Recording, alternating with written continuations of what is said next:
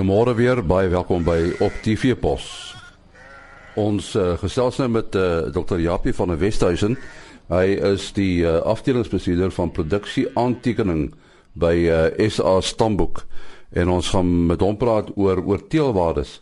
Uh, teelwaardes intrinsieke deel van van enige veeboerdery. Wat presies is uh, teelwaardes, Japie? En nie uh, soos die naam sê, dis die waarde van 'n die dier as 'n teeldier. Uh, dis nou 'n baie eenvoudige ehm um, as ek dit sou kan stel Afrikaanse definisie as jy wil. Daar's natuurlik nou taamlik gekompliseerde uh, wetenskaplike definisies, maar dit as en as ek dit sê, dan beteken dit as ek twee diere sou vergelyk en 'n keuse moes maak, watter dier gebruik ek nou as 'n ouer vir die volgende generasie? Dan help 'n teelwaarde of 'n voorspelling van 'n teelwaarde van in hoe mate die nageslag van daai twee diere sal verskil ten opsigte van die betrokke eienskap waarna ek belangstel waarvoor ek selekteer. Gestel nou maar ek wil selekteer vir gemiddelde daaglikse toename as 'n voorbeeld. Uh en ek het twee diere wat verskil in terme van hulle teelwaardes. Die een teel meer negatief, met ander woorde laer groei tempo en die ander een meer positief, hoër groei tempo, dan dui daai die teelwaarde voorspellings van daai twee diere vir my en hoe mate hierdie verskil in hulle nageslag sal presteer vir die betrokke eienskap. Ja, nou praat ons van 'n waarde. Nou praat ons hier van 'n syfer. Ja, oor die algemeen eh uh, deelwaardes ehm um, soos dit ontwikkel is oor tyd eh uh, word uitgedruk in die eenheid waarin jy meet. Met ander woorde, as jy in kilogramme meet, sê nou maar speengewig, dan word die deelwaardes ook in kilogramme uit eh uh, uitgedruk.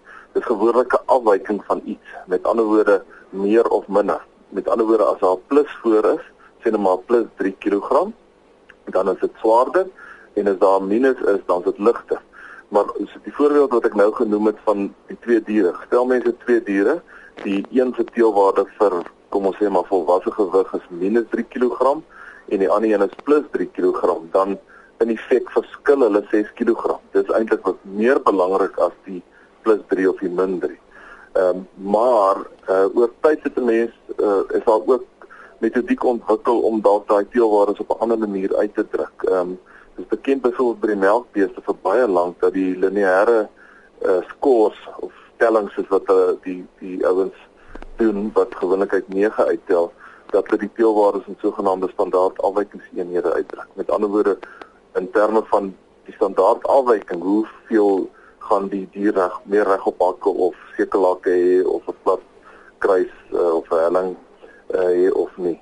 Ons het dit ook nou by die vleisbeeste begin doen dat ons 'n sogenaamde teelwaarde indeks uitdruk. Met ander woorde waar die lewendige diere in die ras uh, 100 sal wees gemiddeld en dat ons dit dan standaardiseer. Met ander woorde dat jy 'n 105 met 'n 103 kan vergelyk uh, maak nie saak wat die eienskap is nie.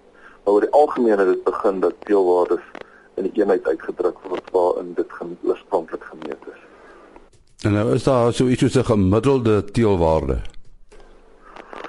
Ja, jy weet eh, jy weet ken mos die ou storie, jy weet as jy een hand in die kookwater is en jou ander in die vrieskas, dan is jy gemiddeld nie te sleg daartoe nie, maar 'n gemiddelde teelwaarde uh, beteken 'n teelwaarde wat ergens gemeet word as gemiddeld. Met ander woorde, ons by Stamboek hou daarvan om dit die gemiddeld uit te werk of of uit te druk dis nou hierdie teelwaarde indeks in terme van die lewendige diere in die ras want mense glo dat dit eintlik die enigste diere is wat wat jy 'n verskil kan maak in terme van seleksie. Dit help nie om gemiddeld te laat varieer om diere wat sê maar 10 of 20 jaar teruggebore is nie. Maar jy kan 'n besluit maak uh, wat jou gemiddeld is. Nou oor die algemeen as mense nou net 'n bladloopie loop dan uh, om teelwaardes te voorspel dan sal die gemiddelde waarde uh reflekteer sal nul wees. Met ander woorde dis dis moet 'n afwyking. So 'n gemiddelde dier het geen afwyking van die gemiddeld nie. En wat beteken sy teelwaarde is nul. Maar nou kan jy daai nul skuif. Jy kan hom nou 100 maak of jy kan sê ek wil my nul maak die diere wat 5 jaar of 10 jaar teruggebore is. Ehm um, so jy kan hom noem dit maar kunsmatig as jy wil om dit nader te bring aan die moderne dier of die dier wat nou op die plaas is. Ehm um, soos ek genoem het, uh die belangrikste is eintlik maar dat jy as jy 'n keuse moet maak om eerder twee diere se teelwaardes met mekaar te vergelyk as om te kyk na waar lê die nulwaarde nou eintlik. Ja, ek dink dat byvoorbeeld melkbeeste as 'n mens nou die verskillende goeders neem waarvoor ouens teel, sou die melkfaktor, noem dit nou maar 'n groter gewig hê natuurlik in in in die sogenaamde koek as ek reg. Ja, kyk dis nou weer 'n bietjie 'n ander aspek. Jy jy jy nou by by die melkbeeste jy nou natuurlik die belangrikste eienskappe is melkproduksie en die melksamestelling soos bottervet en proteïene ehm um, en selfs somatiese selftelling wat dui op eie gesondheid en 'n hele rits ander liggaamseienskappe waarvoor ons teelwaardes uh, beraam. Die die die volgende uitdaging is om nou al hierdie letterlik tientalle teelwaardes in een syfer saam te vat wat ons dan 'n seleksie indeks noem. Met ander woorde, daar gaan kyk jy na ander faktore soos byvoorbeeld wat is die melkprys? Hoe word hoe word daai betrokke boer betaal vir sy melk? Ehm um, die verhouding van die vaste stowwe tot produksie jy gaan kyk ook na insetkoste. Met ander woorde, as jy net vir melk se selekteer, uh, dan kan jou vrugbaarheid dalk agteruit gaan. So jy moet jou vrugbaarheidsteelwaardes ook inwerk want die koste om 'n kalf groot te maak word bereken. Eiergesondheid is belangrik. Met ander woorde, jy moet somatiese seltelling en van die liggaamseienskappe wat bydra tot goeie of swak eiers moet jy moet jy in in berekening bring. Lanklewendheid of funksionele kudde lewe is belangrik dit help nie jy hierdie topproduseerders maar hulle hulle hou dalk net vir een of twee laktasies. So ehm um, ons werk byvoorbeeld by Spanboek dan 'n uh, 'n uh, 'n logics waarde uit wat al hierdie waardes saamvat in 'n sogenaamde randwaarde. Wat die uit uitgawes aan die een kant en die inkomste wat jy dan uit daai daai melkbeeste uit sou verkry in 'n enkel waarde ehm um, sal dan saamvat. Natuurlik kan melkkopers ook verskil in terme van wat hulle betaal. So in daai geval het ons 'n uh, wat ons in Engels noem 'n float merit index, met ander woorde 'n melkprodusent wat uh varsmelk voorsien en daarvoor betaal word, se mag dalk sekere bulle weet uh, hoër ag as ander bulle wat meer vaste stowwe teel of wat, wat ander eienskappe insterk is. Nou as jy mens nou al hierdie goed bereken, hoe hoe maak 'n mens voorsiening vir uh, veranderings veranderlike soos uh, insetkoste wat verander melkkoperpryse? Ja, kyk, dit is natuurlik 'n uitdaging. Jy teel vandag uh as jy nou 'n bulkeuse, jy kan self dink jy jy kies nou 'n bul vandag. Uh en jy jy koop sy semen aan en jy jy gebruik dit op jou koeie of jou verse. Uh en dan word daai verse oor 9 maande uh, of gebore en jy moet vir 2 jaar plus groot maak. So jy moet amper 3 jaar vooruit in die toekoms insien voordat daai dier gaan begin die eerste druppel melk produseer. So dit is 'n engse uitdaging. Nou die Wat ons gewoonlik doen is ons probeer die ekonomiese doeltreffendheid, dit wat jy nou noem in terme van insetkoste en die melkprys en so aan, probeer ons kombineer met wat ons noem biologiese doeltreffendheid. Bio biologiese doeltreffendheid word eintlik maar gedefinieer in terme van die energie en proteïen insette wat in jou melkboerdery ingaan versus die energie en proteïen uitsette in melk uh en diere wat jy dalk kan verkoop. Um, uit die uit die stelsel uit. So mense moet 'n ek wil amper sê 'n balans probeer handhaaf. Daar's sekere duimreëls wat altyd geld in terme daarvan en as jy biologies gewoonlik doeltreffend is, dan is jy ook ekonomies doeltreffend. So ehm um, dit kan natuurlik bietjie varieer in terme veral in terme van jou produk en as daar ewe skielik skommelings is uh in terme van sekere goed insetkoste so sê nou maar mielieprys wat opgaan of wat ook al. Maar dit is relatief stabiel oor tyd. Ehm um, daar is 'n bietjie variasie, maar ehm um, as jy jou huiswerk goed doen, dan dan geld hierdie seleksie indekse oor die lang termyn.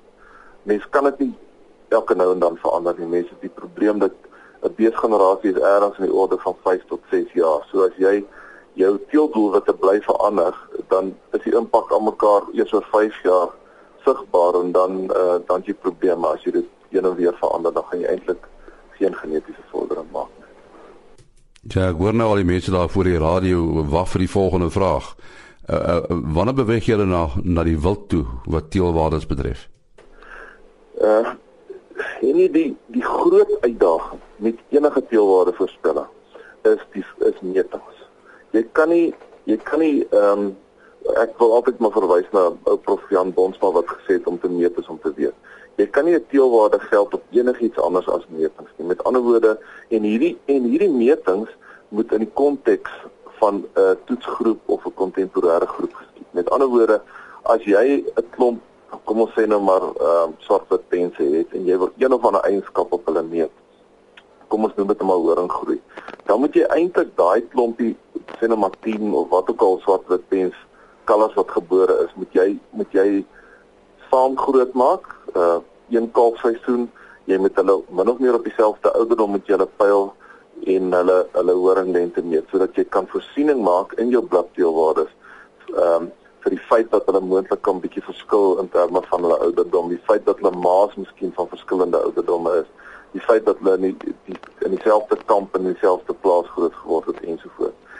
En ek dink nie die wildbedryf is op hierdie stadium uh, met uitsonderings uh het nog nie al die metings wat nodig is om bladdeelwaardes te te bereken nie. Ek weet daar's mense wat verskriklike beloftes maak ensovoorts.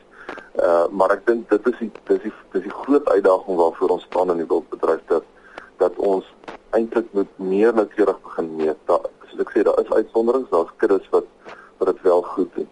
Die ander ding by die wildbedryf is dat baie van die eienskappe wat nou tot groot hoë pryse ehm um, aanleiding gee eintlik enkel geen eienskappe is wat kleuroorerwing of so iets beïnvloed en dit die die manier van oorerwing daar is bietjie anders as die eienskappe waaroor ons tot nou toe gepraat het waarvoor mense teelwaarde bereik beraam. So uh, in daai geval moet 'n mens patrone optel. Ehm um, en ek weet daar's baie mense wat nou of daar's baie navorsing wat dalk nou gedoen word om te kyk of 'n mens nie op die DNA vlak kan begin voorspellings waag uh, wat hierdie kleureienskappe aanbetref. En in 'n paar gevalle is daar 'n klein bietjie sukses al. Ehm uh, maar dit dit is miskien 'n paadjie van 'n ander dag rondom hoe daai kleuroorerwing meganismes werk uh, by wild en selfs by ander plaasdiere. Ja, by by buffels is dit miskien meer moontlik, nê? Nee? Uh en uh ek weet nie in watter opsig jy bedoel nie, maar ek bedoel by buffels is die sover ek weet, die die siektevrye buffels uh is die belangrike aspek by buffels eintlik goed soos horing groei, né? So en dit is wat ons noem ook 'n kwantitatiewe eienskap, soos tweenomasteengewig by beeste of melkproduksie by melkbeeste. So dit die punt is net daar moet jy dan ook 'n meting hê en jy moet dit help nie om te sê uh hierdie buffel het hierdie massiewe horing uh lengte of grootte uh, maar jy jy gee dit nie binne konteks nie. Hoe oud is daai buffel? Waar het hy groot geword? Wat 'n spesiale kos het hy gekry? Ehm um, ek meen dit is amper soos om twee steenkalvers te vergelyk en te sê die een is verskriklik hy gaan baie goed teel. Hy weeg 400 uit 400 kg by steengewig. Dis is 'n ander steenkalfie wat 250 geweg het. As jy nie die konteks daarvan weet met ander woorde, hoeveel het die eerste die swaarder steenkalfie dalk kruipvoeding gekry nie. Hoe oud was sy ma? Is dit 'n ou koei? Uh is dit 'n soetbosveld speenkal versus 'n Rimland area speenkal wat in die suurveld is?